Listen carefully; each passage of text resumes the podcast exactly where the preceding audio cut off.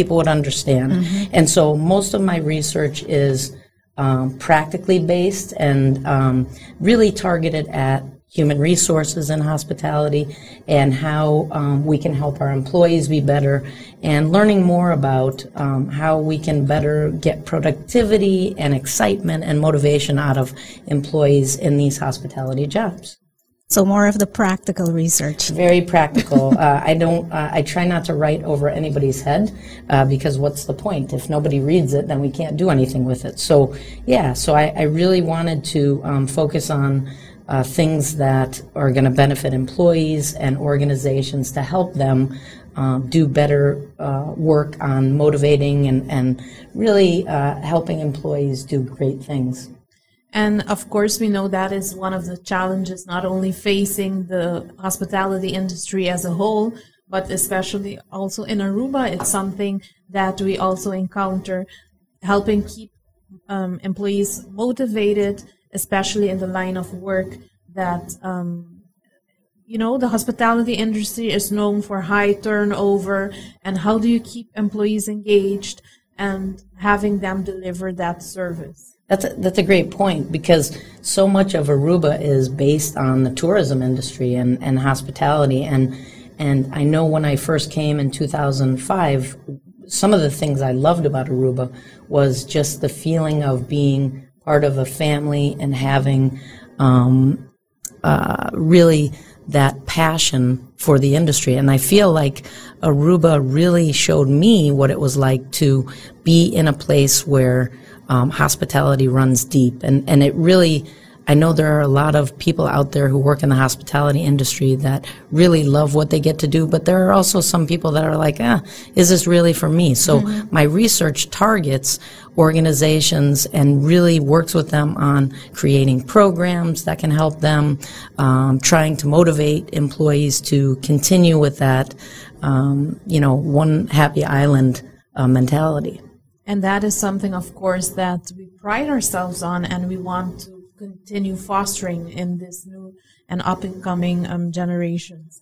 So, Robin, today our topic is centered on the hospitality industry in a post COVID 19 era. I'm, I don't even know if, if we can say post. No, It's like, not yet. not yet. It's like we're We're- somewhere in, We're, well, we're not sure where we are. we're, we're in the we're depths of COVID. Yeah, yeah. Yeah, we're dancing back and forth. But um, what did the COVID or what did COVID do to the hospitality industry? That's a good question. So, um, COVID really ha- made a dramatic halt to the way we do things, and very unlike anything else we've ever seen. So, even things like 9 11, which um, 20th anniversary today, uh, even with 9 11, that altered things for a small blip in time. COVID really shut down the entire world for months. And so there was a dramatic halt to what we were doing and what we knew. And with government mandates uh, around the, the globe changing on a pretty regular basis, it really made us as guests and tourists feel very nervous. We didn't know about COVID. We didn't know enough about what, how it was transmitted. And then from the employee side of things, it made us really question, like, will we have a job tomorrow? And so it, it really was such a, uh, slam to our industry. Nothing like this had ever happened, of course, uh, in my lifetime, and I hope nothing happens again. But they say it it will, so we have to be prepared. In the states, um, we had uh, pre-COVID, we had about a million, a little bit more than a million restaurants. 110,000 or over 10% of restaurants shut down and, and are not open to this day. 25% of all hospitality employees in the U.S. were unemployed, I mean, for the past year and a half. And here, as you know, you all shut down, I believe it was in March of It was 2020. in March, yes, And then basically were, were shut down and isolated until June. in June. Yes. Yeah, June of 2020. So in that period of time, everything shut down. The island became basically just the the people who were here, the residents, and no tourists. And so I'm sure for a couple of days it was fun uh, going out to have the beaches all to yourself and the roads to yourself. But but then it's like, when when will we get to open back up? And so I, I think what happened during the the COVID March of 2020 really showed us that we are all vulnerable to something like this, and we need to be prepared in the future, knowing that this is something similar is going to happen um, again at some point. So how can we be ready for that? And um, the interesting thing is is that when we were shut down during those months in March, April, May uh, June, and even in the states as well, we were shut down. Um, you know, all of us had this drive to. I mean, I don't think I've craved a restaurant meal as much as I did in April of 2020. Um, and so when when we opened back up to outside dining or to at least partially open back up, I think all of us were so excited to be outside that we were very helpful to the employees. We loved the employees, and now what I see is a shift now we're a little bit cranky at the employees if they're not doing things as quickly as, as we wanted them to, to be done. So there has been this shift um, from loving the hospitality industry and the tourism industry to now, okay, why isn't my food coming faster? Why, you know, everything is, is very different. So yeah, we, we had a dramatic toll that hopefully we're better prepared for for the next time. And and staying there, uh, moving forward, how how can we prepare for next time? I know maybe that's a difficult question because that requires you looking into the future. But what are some some takeaways that or some learnings that we can take? Um, yeah. if if something like this happen again, Sure. even though we're, we're not. Good question. That's not the goal. And I do have a crystal ball, by the way. Yes, Um. Okay. Yes. Please enlighten us, I think what what happened with this pandemic was it, it opened our eyes to how inflexible uh, our industry is Okay. and how we need to be more flexible. Uh, first of all, I would suggest, and I think all of us, uh, this is a kind of a no-brainer, but um, all of us in small businesses need to uh, make sure that we set aside some funding for potential closings. So having m- most of the restaurant industry operates on a very cash poor business, meaning, you know, we make pennies on the dollar, but we try to use those to uh, maybe invest in inventory and things like that. So I think um, just having more cash savings. Uh, the other thing is be ready to shift and pivot on whatever you're currently doing. So uh, things that we never thought we could do, like delivery of fast food or delivery of fine dining meals, we shifted to, and we were able to do it. We also shifted menus because we couldn't get all the supplies that we need. So be having some uh, uh, additional types of menus available. Um, we also shifted um, not only I don't know if they did it in Aruba, but in the U.S. many of our hotels were shifted from being a hotel to actually being a, uh hospital waiting room or hospital rooms. They also first responders were able to use hotels and hotel rooms um, so that at least the the facilities were being used. So I think that um, being able to see how we shifted now, delivery businesses, apps, u- the use of technology was something that um, I think. I remember 25 years ago or 30 years ago, I saw a video from Burger King, and they showed us that robots were going to be making our drinks, and robots were going to be serving our French fries, and we all laughed. We're like, "Yeah, right."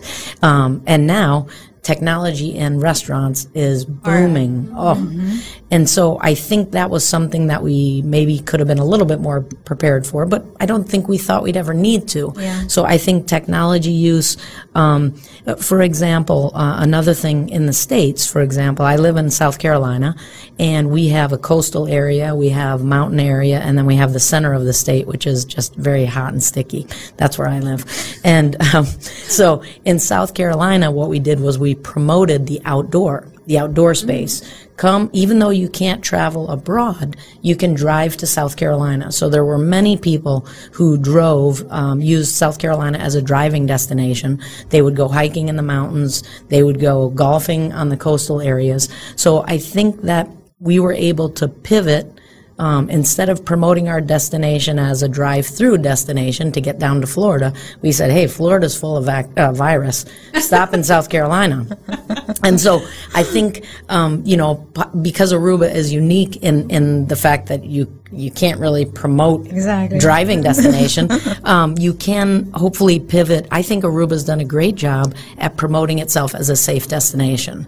Um, one of the things that, and, and it's because I, of course, look up Aruba on my uh, internet, uh, I have a lot of stuff pop up on my Facebook that um, is about Aruba being a safe destination and keep your distance on the beach. So at least go to the beach. Um, and I, I think that we're all going to have to learn from this situation that this will happen again. Keep your playbook ready. Mm-hmm. Instead of only being ready for natural disasters, be ready for something like this and switch when you need to. And I think the businesses that thrived during the pandemic, because of course you have, as you mentioned, businesses that greatly suffered, mm-hmm. others thrived, you know, mm-hmm. um, in this, in under the current circumstances, and those that were most most able to adapt and the quickest were those that benefited or profited, or at least to maintain business levels at a certain um, level that is, you know, made sure that they didn't have to close their doors. That's a good point because, like here, I imagine, and I don't know if this happened, but if I was a cab driver and I shut down, I would become a delivery driver uh, for. I know you don't have Uber, but Uber Eats, where you deliver restaurant food. I don't know if that's that happened I, during I think this time. I think some of them were able to pivot and, and start to help with delivery. Um, during the pandemic, we saw a lot of small businesses open. Um, people became very creative, and most of them also engaged in, in the delivery option. And I think I think Nice. they received help from the, the, the cab drivers. Yeah, that's great because to me, innovation at this time, you know, we always talk about, oh, innovation. This is this 2021, the year of innovation. Well, now we see that we, we can't have a year of innovation. It has to be a constant process where we, we think about if I need to, you know, you don't need to reinvent yourself 180, turn 180 degrees, but can you pivot a little bit and change 10% of how you're doing things to be able to be prosperous? And I, I think that's going to be important. And Robin, I just want to go back because we, we spoke about the cycle. Mm-hmm. When the restaurants and the industry opened, everyone was very patient Mm-hmm. and, and very excited about everything that was, was going to happen Yes. because we were, you know, we were in lockdown and closed so many months. Um, and now we're seeing that people are becoming a little bit more impatient. What are some recommendations on, on how we can cope with that? Because service is still important and Service is critical, and I think that um, consumers' expectations have changed during this year and a half. So I, I don't know why it happened that consumers now are less patient than they were and maybe more tired and and I, I don't know but you see it often with you know even just the mask mandates um, you know you see people getting kicked off of airplanes um, when a year ago, they were happy to be flying. No problem. I, I'll wear triple masks. But now you see people, well, by God, we've been wearing these masks so long, I'm not wearing it anymore. So I don't, I think it's almost an education of not only the employee, but an education of the guest. We need to re-educate the guests to understand the current situation. So um, now here, is there a, an issue with a lack of employees? Do you have a, a lack of employees now? We've seen that um, in the couple of past months. So, of course, you had last year when everybody was um, sent home, um, especially contractors. They, you know, Yeah. eliminated that. And now, as you're mentioning, everybody, the hotels, um, up to a point in August before the CDC announcement, there was an uptick. I mean, the hotels were performing generally really well, the island as a whole, and then they needed employees. So what you're mentioning, so we also saw that that there was a need for talent, and then not being able, you know, to quickly um, fulfill those positions. Yeah, and that also has happened in the, the U.S. As you know, um, we have a dramatic shortage of employees. Many employees left the industry um, when when they shut down. Uh, About 50% of the employees left the industry, 25% came back. So now we have that gap. That gap. Yeah, so I think here as well as in the States, what we're seeing is restaurants, hotels, tour operators are trying to staff up. They're not as able to quickly staff up uh, as much maybe as they need to, and our consumers are getting irritated. And it's just sad because when I think about a year ago, we were all like, we didn't care how long it took to get our service. We were just happy to be out. And now people are getting irritated. So we have to retrain our guests now. How do you do that? That's the tricky part. Um, I, I think a lot of it is about communication from the, the organization. So initially, when maybe people walk in your hotel or your restaurant, um, have some clear signage that says, you know, be patient. We're going to serve you the best that we can in a timely fashion. We can also post post some things on social media about um, we're retraining our employees to uh, re um, provide you with the best guest experience that we can. Um, but I th- I really do think it's about retraining the guests not to lower their expectations, but to temper their expectations with the reality of today today is not the same as it was in 2019. And so we need to, to shift not only our organizational um, perceptions, but also our guest perceptions. Yeah, for sure. Robin, if we know we talked about change, and of course that is something that is very scary on all levels for yeah, all of us. Always. Some of us tolerate it better than others. but what do you think this means for the future of the industry? And how will the hospitality and tourism industry change? That's a great point. Uh, let's speak about change first because I hate change. Um, Don't well, we all, well, well, at least you admit it. I admit it, and and I know my uh, my partner as well as my uh, workmates uh, know this as well. So whenever they change the mailboxes at work, uh-huh. I need about a two months notice because I just it, it, it, it, doesn't irritate me. It just makes me anxious. Um, and when I leave for Aruba, often my partner will repaint a room or change the furniture because then she has a month to get used to it. But then when I get home, I like freak out for about a month. So it, it is change is scary, right? I don't know why moving the furniture is scary, but anyways, um, change is very scary. So mm-hmm. I think what um, the hospitality industry and the tourism industry is going to have to do is over communicate the changes to the guest. For example, uh, I got four emails from American Airlines before I got here stating what I needed to do that was different than two years ago. So over communicating about changes that are necessary due to the pandemic, due to shifts in, in resources.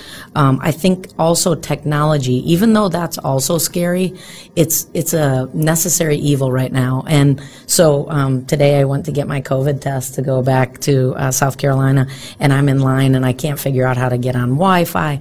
And I asked someone in line, I'm like, can you help me get on Wi-Fi? And she's showing me how to get on Wi-Fi helping me with all the documents. But boy, once I got it done, so much easier than having to fill out paperwork. So I think technology is going to be one of the biggest um, changes that we'll see that people are going to have to adapt to. Um, I went into a McDonald's. I don't know if they have those here, but I went into a McDonald's about six months ago, and they have the self-service kiosks. No, we don't have that yet. Okay, so you don't even have to talk to anybody. You just go up and you press your order in, and you pay, and then they call your number. You grab it. So literally, the only interaction you're having is between they're touching the bag, you're touching the bag, all is good. But that's going to be a change that's permanent. And, and I do think that we're going to see more of that for two reasons. One is for safety, and the other reason is because we don't have the staffing. And so mm-hmm. literally two kiosks take the place of three employees up front. Managing and the cashiers. Exactly, exactly. So um, I think, you know, the airlines, who, who'd have thought I would say this, but the airlines were cutting edge um, when they got the self check-in kiosks back how long has that been around? 15 years? Maybe. Yeah. yeah. So they, they were cutting edge and we were all like, oh, they just don't want to put employees out here. And now we're thinking we don't have employees, so these kiosks are great. Um, the other thing I think is we have to change employee expectations as well. Mm-hmm. So one of the things that we voted on last year uh, during the U.S. elections was to raise the minimum wage up to fifteen dollars an hour, and it failed at that point. And um, it, it, it failed, but the industry is saying we have to pay $15 an hour. So it's a supply and demand. So expectations of employees are going to have to change potentially to have higher wages, which I, am sure no one will complain about, but also to know that they're going to have higher expectations put on them mm-hmm. because there's fewer of them. At $15 an hour, I can only hire two employees instead of three or four. So there are higher expectations. So this is going to shift who goes into our industry. Um, and then, of course, uh, patience, uh, which I think is as we know, is a virtue. Um, I've always wanted to say that on the radio, but now, anyways, your dream came true, Robin. Patience is a virtue I don't have, um, but I think it's it's very important that we help our guests understand how to deal with our new employee and this this uh, changed hospitality and tourism employee. And Robin, I think it's also important that the leadership recognizes this because it also requires them to retrain their way of thinking yes. and in dealing with it because they're expecting that same, you know, pre-pandemic level of service, um, ways of going about things, and mm-hmm. that has completely changed. So it almost requires a re-education of the leaders in an organization, the employees, and of the guests. Yes, exactly. Because mm-hmm. no, no change will happen until the leaders buy into it. And so change is going to be really a three step process. We have to get the organizations, the top management to understand that this is this is a new world. It really is. I mean, it's it's like the ground was shaken beneath our feet, and so the organizations are going to have to change, and they're going to have to change in terms of their benefits, their pay structure, their expectations of guests, uh, uh of employees, and then of guests, and then we retrain the employees, and then through those um, relationships, then you can change the expectations of the guests. Um, but you're right; it's it's a three pronged approach, and mm-hmm. and the leader has to take the leading role on ensuring that people are being trained appropriately and treated appropriately. All right. So we've been talking a lot about the changes that's going to happen on the supply side, specifically focusing on what will happen within the hotel industry. Mm-hmm. But I'm seeing that is telling me that we should go on a short break. So we will go on a short break. And when we return, I think we would like to speak a little bit more about the changes that we're seeing on the demand side. Mm-hmm. So what are some of the needs of the customers post and, well, post and during the COVID pandemic. So um, we would like to ask our audience to stay right there. We'll go on a short break, and then we will be, we will be back and continue to have this amazing and interesting conversation with Robin.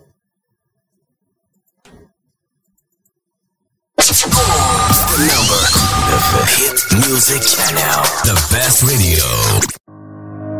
Hey, lagami contabo algo? Data ilimitav, data sem fim? Turdos ta mescos com Digicel Prime Postpaid. Kibra como limitação e cambia para data sem fim e chamada ilimitada, Digi para Digi, 2 minutos para qualquer provedor of chamada internacional. Experiência e variedade de entretenimento, deporte e mensagem na riba nos app ng Pabiba Bob Miho Vida Digital. No perde um smartphone model novo ou ser um contrato de dos anos. Para mais informação, visita Digi digicel.com of undi nos tienden ang digicel.masmio. Feel good. Feel so good. So good. Feel good. Cool FM. Always waiting for you.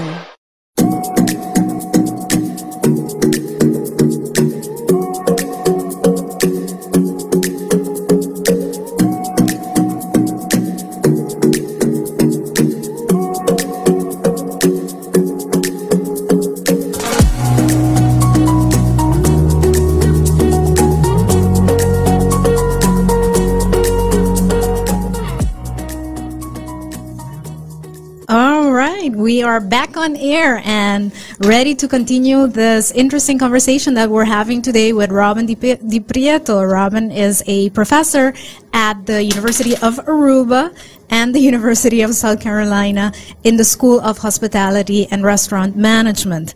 Uh, before our break, we spoke a lot about the changes that's hap- that will happen within the industry. Um, yeah, after let's let's say after the pandemic. Um, let's now focus on our visitors. We are definitely seeing new travel behavior. um, what is the data and research telling telling us about the tourist needs and wants during and post COVID?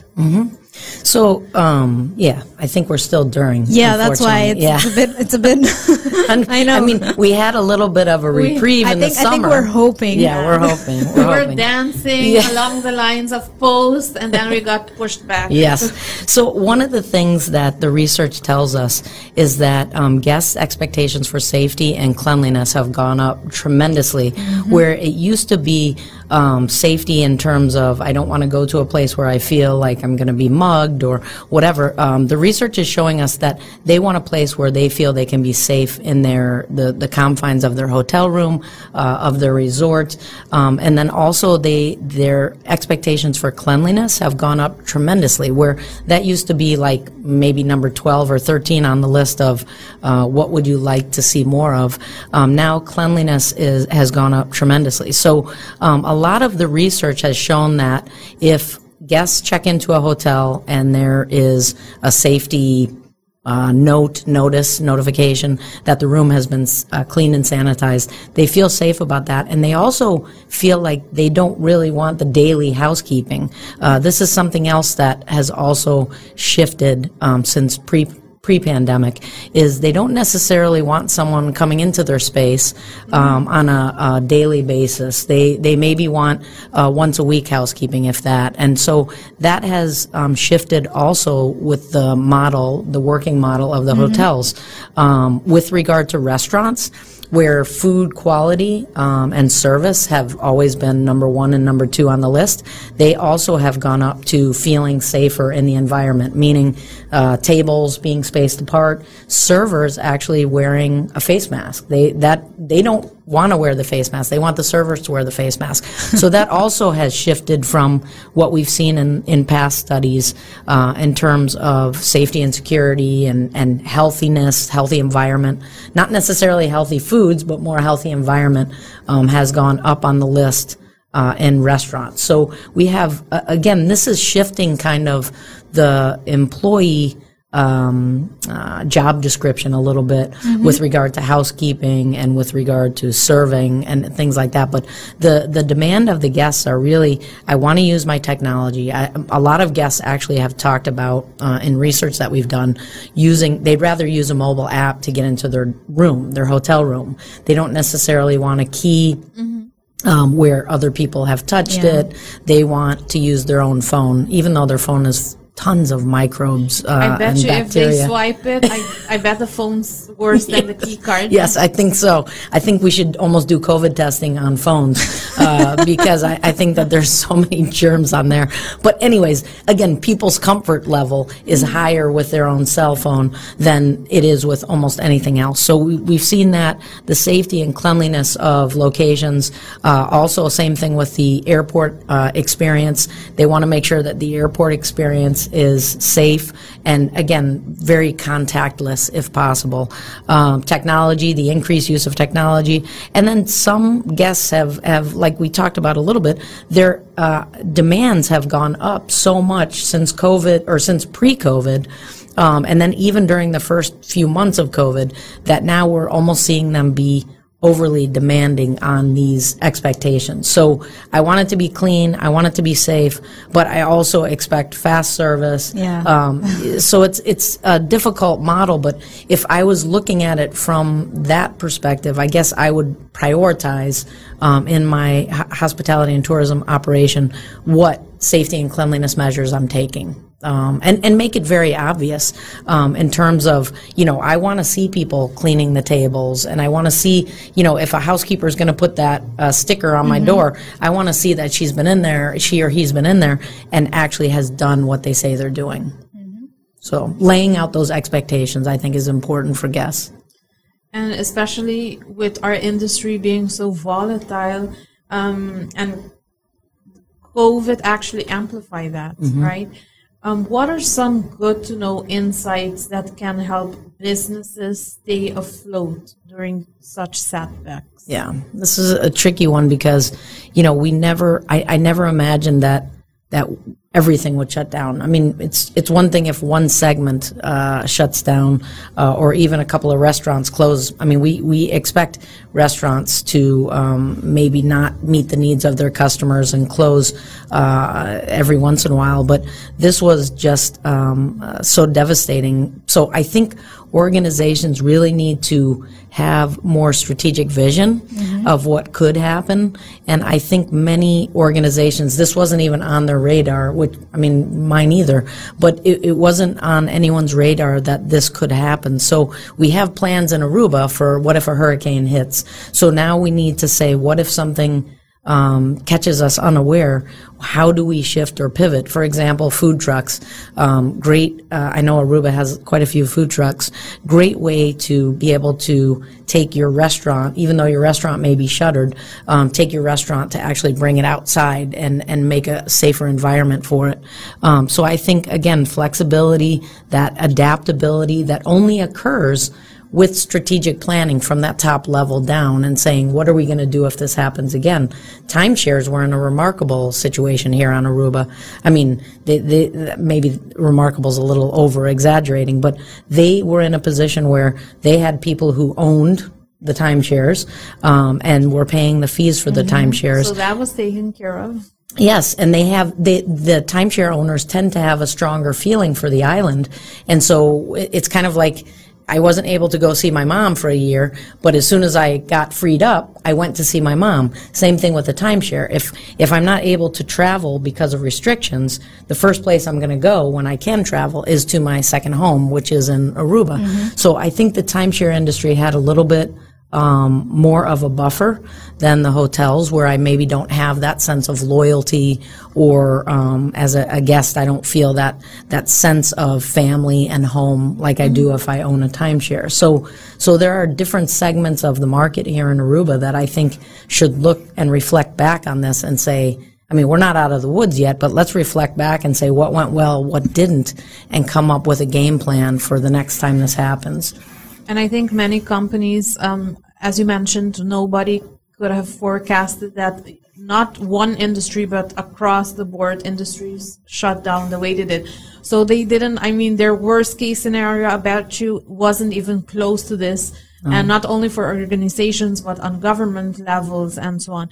But what you mentioned also, I think we're very fortunate in Aruba that many of the hotels, even though they're not timeshare, they have guests that are so loyal Nice. to their um, to the brands Mm-hmm. and to the properties and feel you know it's that same sense of family so i think as an island what made us um, adapt so quick and for things to go as they did was that number one first and foremost the loyalty of the visitors that consider aruba to be their second home um, the good job by the different government entities, um, the tourism authority, the hotel association, everybody working together, sometimes making very, very tough decisions. But in the end, you know, that provided that sense of safety for visitors that, hey, Aruba is a safe destination to visit.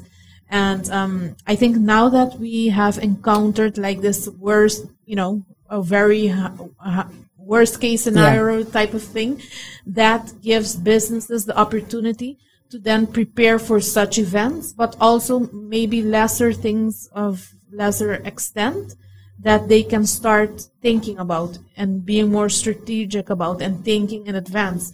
Many businesses don't do that exercise internally. And I don't think you have to be a big corporation to include that Right. in your, you know, planning.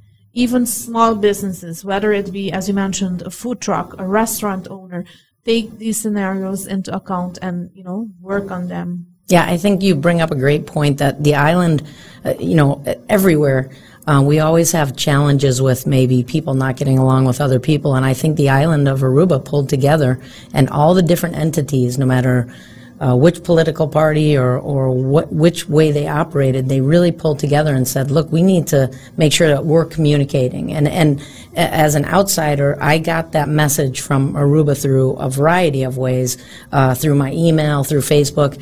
And I think that that really is what helps drive people. You're right. The, people have a loyalty to this island.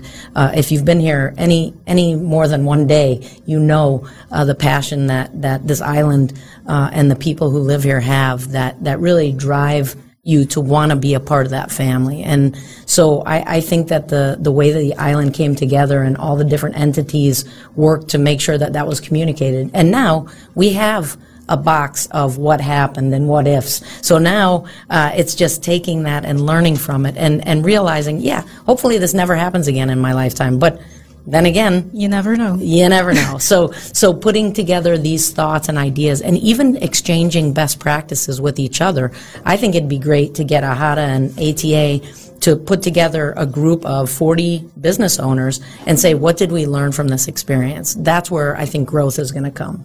Yeah, for sure, because it was a very, yeah, it was a very learning mm-hmm. experience. Mm-hmm. Now, Robin, let's go back to the, to our visitors. So we're, we're seeing a new behavior in our visitors. They are demanding more safety and, and yeah, they want to feel safe, but mm-hmm. not only, I don't want to be robbed, but, but more, I'm, i want to make sure that this place is clean. Mm-hmm. You mentioned some examples about how hotels and, and some restaurants can incorporate that.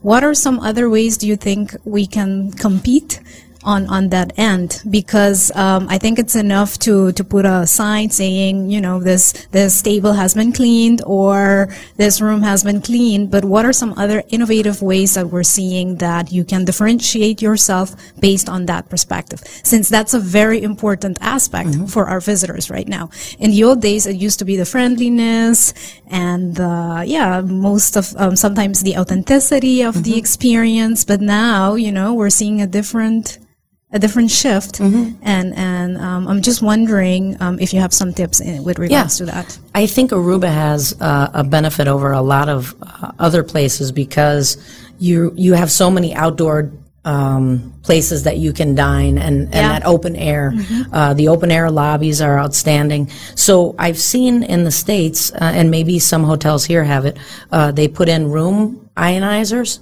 Are you familiar with that? The uh-huh. yeah. So uh, uh, some of the hotel brands are actually mandating that hotel rooms are cleaned with these ionizers um, on a regular basis. So every time a guest checks out, the room gets I, I, think they have to go in for two or three hours with these room ionizers that actually recirculate the air.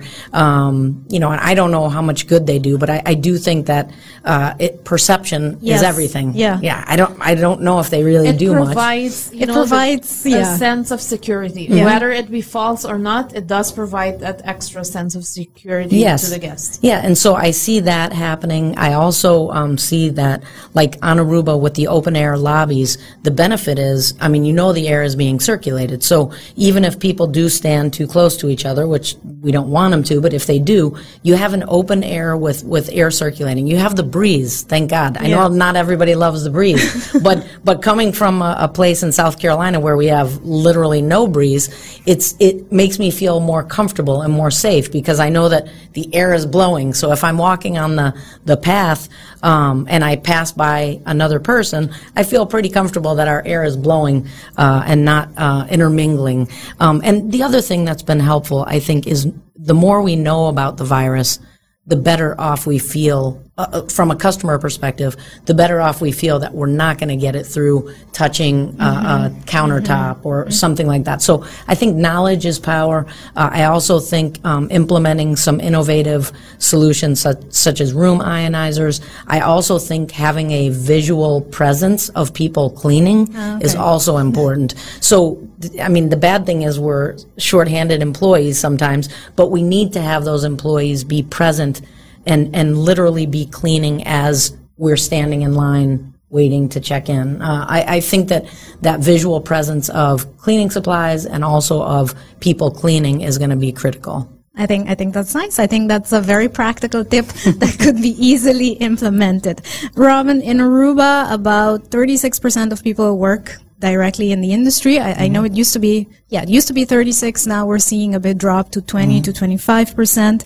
Um, what advice or, or tip would you give uh, people working directly in the industry and spe- specific and, and also those studying within the industry? Because perhaps sometimes they might feel, you know, we went through this um, lockdown. Um, I'm feeling a bit lost.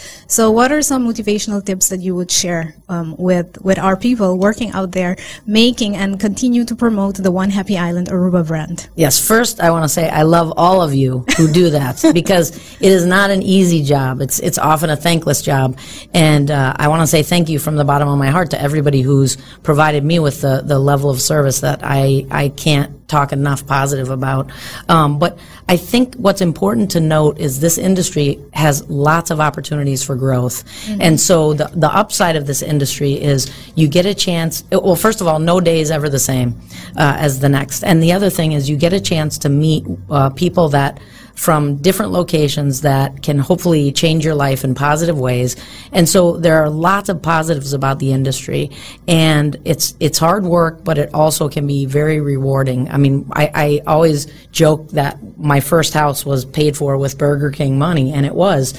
And so I think the advice I would provide people is start where you need to start, and that doesn't mean you know you're going to end up there for the rest of your life. But they w- what i learned from a lot of mm-hmm. hotel experts that i talked about or talked to this year is you may not get the job as front desk supervisor right away but start as a housekeeper or start as the bellman or start as the parking lot attendant the valet attendant and then get to where you want to go through drive passion and motivation so if, if your goal is to be the director of housekeeping then if you can get a job as valet and then move into housekeeping and then director of housekeeping, you're going to um, put yourself in a, a great position. And how you do that is you you commit, you volunteer, you make sure that you learn as much as you can from the people who are in positions that you want to take, um, and and it, don't expect though day one to be the GM of the hotel, but but it's there for you.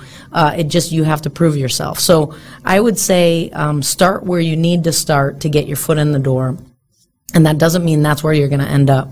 Um, but be proud of what you do. Uh, and I mean, 20 years with Burger King taught me that, you know, I can do whatever I want to do. This is just what I have a passion for. And um, so it's, it's exciting. And then also, um, tr- don't be like me. Uh, learn to like and, and appreciate, no, learn to appreciate change.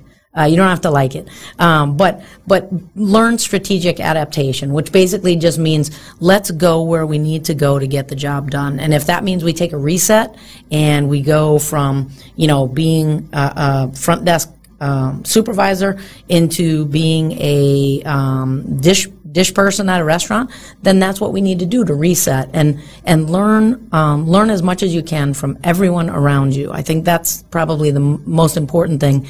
And same thing with in, going into education. First of all, never stop being educated. I mean, get your master's degree if you got your bachelor's degree. Get your PhD. You don't have to get your PhD, but get your master's degree and do it part time if that's what you need to do to keep your job and, and keep food on the, the family table. But never stop learning. I I think that's a that's a beautiful recommendation, especially when it comes to the reset. I think most of the time, once you enter the workforce, you have this plan, or may, mm-hmm. you have this plan, and maybe you you have your eyes on the GM position, and that's where you're going. And and I think that's great. But sometimes, as we just had the discussion, maybe you need to start a little bit lower on the ladder, mm-hmm. and then learn all of that because that will make you a better GM. Yes, in it future. makes you much more competitive for those jobs. And I sure. think especially the hospitality industry, um, it's so um, diverse, and it's not. For instance, if you work at maybe an accounting firm, this there's like this path that you need to progress, or maybe in healthcare, you know. But for the hospitality industry, you can be working, as you mentioned, starting at the bellman and then ending up in such high positions. And you can go from, they're more adaptable to people changing from one department to the other. And I think that provides such great opportunities for those entering the hospitality industry, especially your students Yes. listening Yes. to you this morning. So you can't imagine, you know, those jobs, the value that it will add. And sometimes I think as millennials, young professionals, we we want to be day one in that GM position. We're a little less impatient. yeah. so, but the hospitality industry provides such great opportunities for growth and different experiences. It really does. And and just as a, a small story, um, w- the day I turned 16 is when I started working at Burger King, and I remember going to work, and I, my shift was 4:30 to 7, and so I walked over after school, and I had to do drinks that day. So I'm making all these cokes and shakes, and and I'm a mess. You know, I'm all sticky from the soda. And um, that was back when the employees used to make your drink for you. Now it's the robots. Now, yeah, now it's the robot. so, so I remember walking out to my dad's car. He picked me up in the old big station wagon, and he says, "So, how'd you like your first day of work?" Ah. I don't think I can do this anymore. He says, What do you mean? I said, I am a mess. And it was so busy, and they expected me to work hard like the whole time. And he's like, You're going back. And he says, That's the only way you're going to learn stuff. And so for a couple of days, I made drinks, but then I moved into making the Whoppers and the French fries. And finally, they let me up front. They didn't know what talent they had uh, to put me up front as a cashier, right? So finally, I, I le- learned every position, and I decided this is what I want to do. I want to manage a restaurant. And, um, you know, now as I've continued on in my education, now I like to teach people how to manage restaurants and how to plan strategically. But, but what a great opportunity that was. And I'm so glad my dad made me stick to that. Um, he said, in this family, we don't call in sick and we don't quit jobs. So, um, anyways, so it's been, it's been a great ride, and I, I really love that our students get an opportunity to go do that and, and really show off yourself. I mean, this is about, your job is about your personal brand.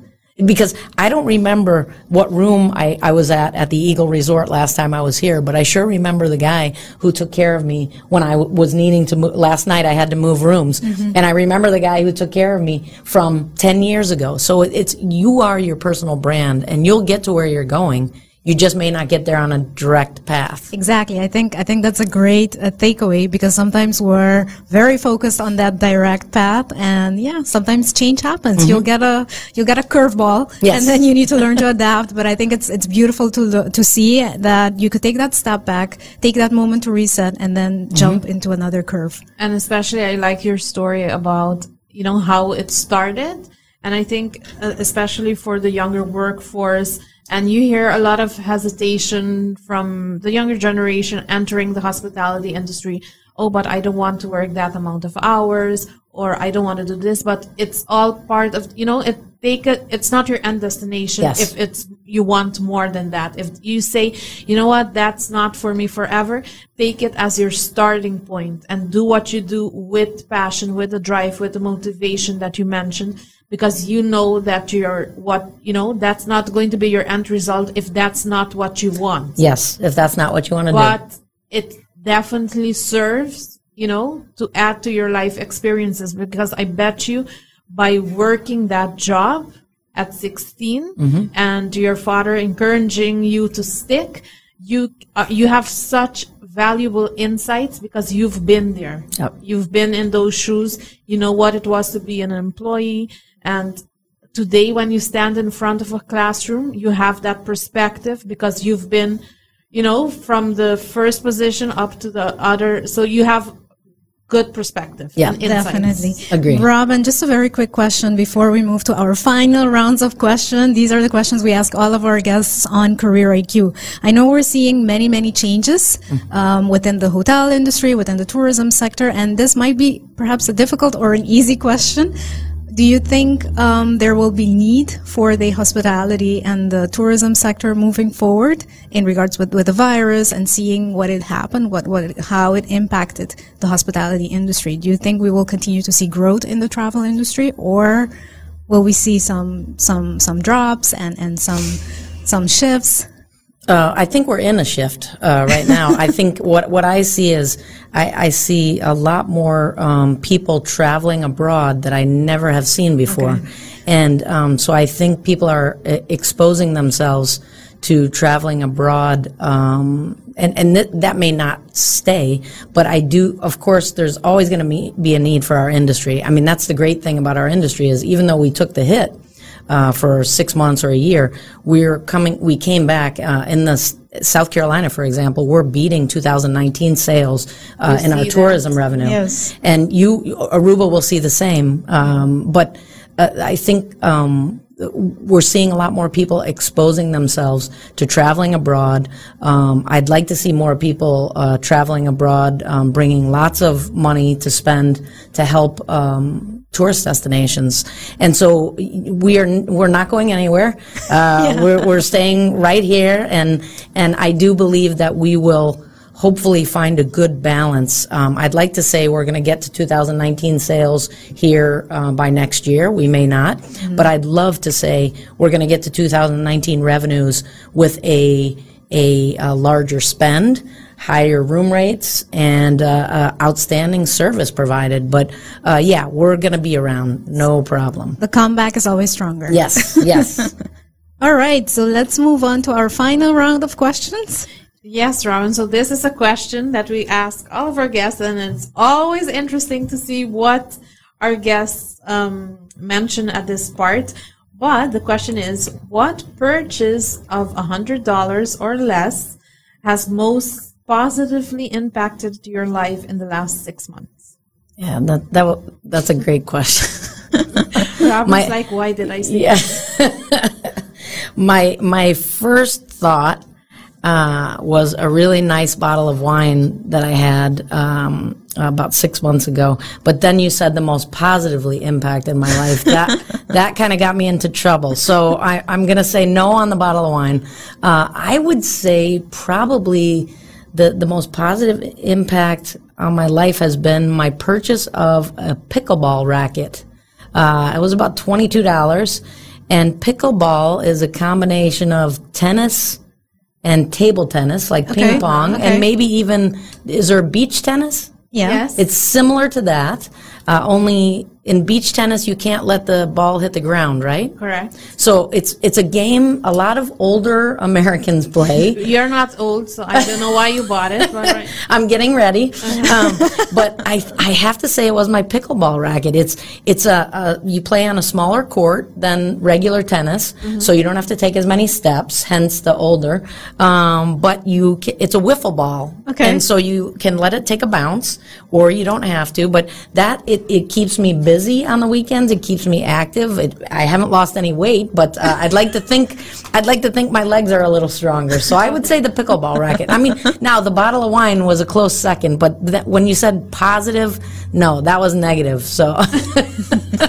And and Robin, we just spoke ample about your experience and your research. What advice would you give a young profess uh, young professional that just started out working within the industry? I would say, um, love what you do and do what you love. So if you love people, if you love providing service, um, do it and do it well, and then also be flexible. Uh, I, I think that that's the other thing about the younger generation is sometimes they um, get, uh, you know, they have a short uh, frame of reference, and so I would say if you're doing something you love, do it well, and if you if your path takes you to a different employer, go. But but um, just do be the best that you can be. I think that's that's the advice that I would give. And I love what I get to do every day. I've I mean there have been oh some other advice from my dad. I promise this is the last one. He said never quit a job when you're mad. And I didn't understand what that meant at 16 years old. And um, over the course of my career, I've thought about quitting places probably 20 different times, but I was always mad, so I couldn't quit. and so that advice from my dad I've taken, and I, I really uh, have appreciated it because then in, when I'm not mad anymore, it just the problems seem to be so trivial. So um, if you love what you do, uh, you you definitely will feel a passion for that, and that's that's uh, the best advice that I've gotten, and hopefully it will help somebody else. I think that's great advice. Yes, and I think we always need that reminder, right? To not act in the heat of the moment. Thank you so much, Robin. For Thank you, guys. A guest Thank with you. us. It was Loved a it. pleasure. We're with Robin. Talking to her is always a fun time, educational time. You're like edutainment. Edutainment. Right? Perfect. Robin. Perfect.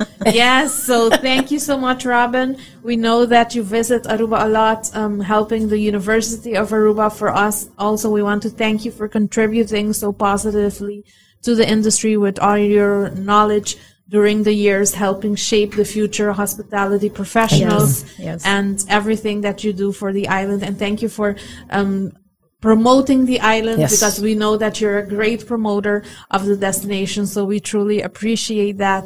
And thank you for taking the time On a Saturday. on a Saturday. Ah, thank you. What Before- it's either it's either coming here and hanging out and having fun with you guys, or being at work reading papers. So I love Okay, this no, choice. this is yes. This, and, and, and Robin just told us that she's gonna go to St. Nicholas to have some Johnny cake. yes, I'm going to have Johnny Cake and look at the artwork in St. Nicholas. I haven't been there in it. years. Yes, I look forward So to it. So we're very happy and, and we hope you have a great experience. So Robin, as Zaris already mentioned, thank you for being with us. Thank you for sharing all of those insights. I think it's very practical what we learned today and, and very important as well to realize that there's a change happening within our sector. This sector is very important to the mm-hmm. Aruba economy.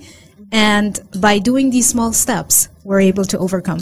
So thank you for Sounds being great. here. Thank you so much. O yente nang masya masyadan ki patay ko nos awe y nos te invitabo back patay. Otro simang un um nos latingo. Otro invitado especial. Te otro simang. bye. Bye.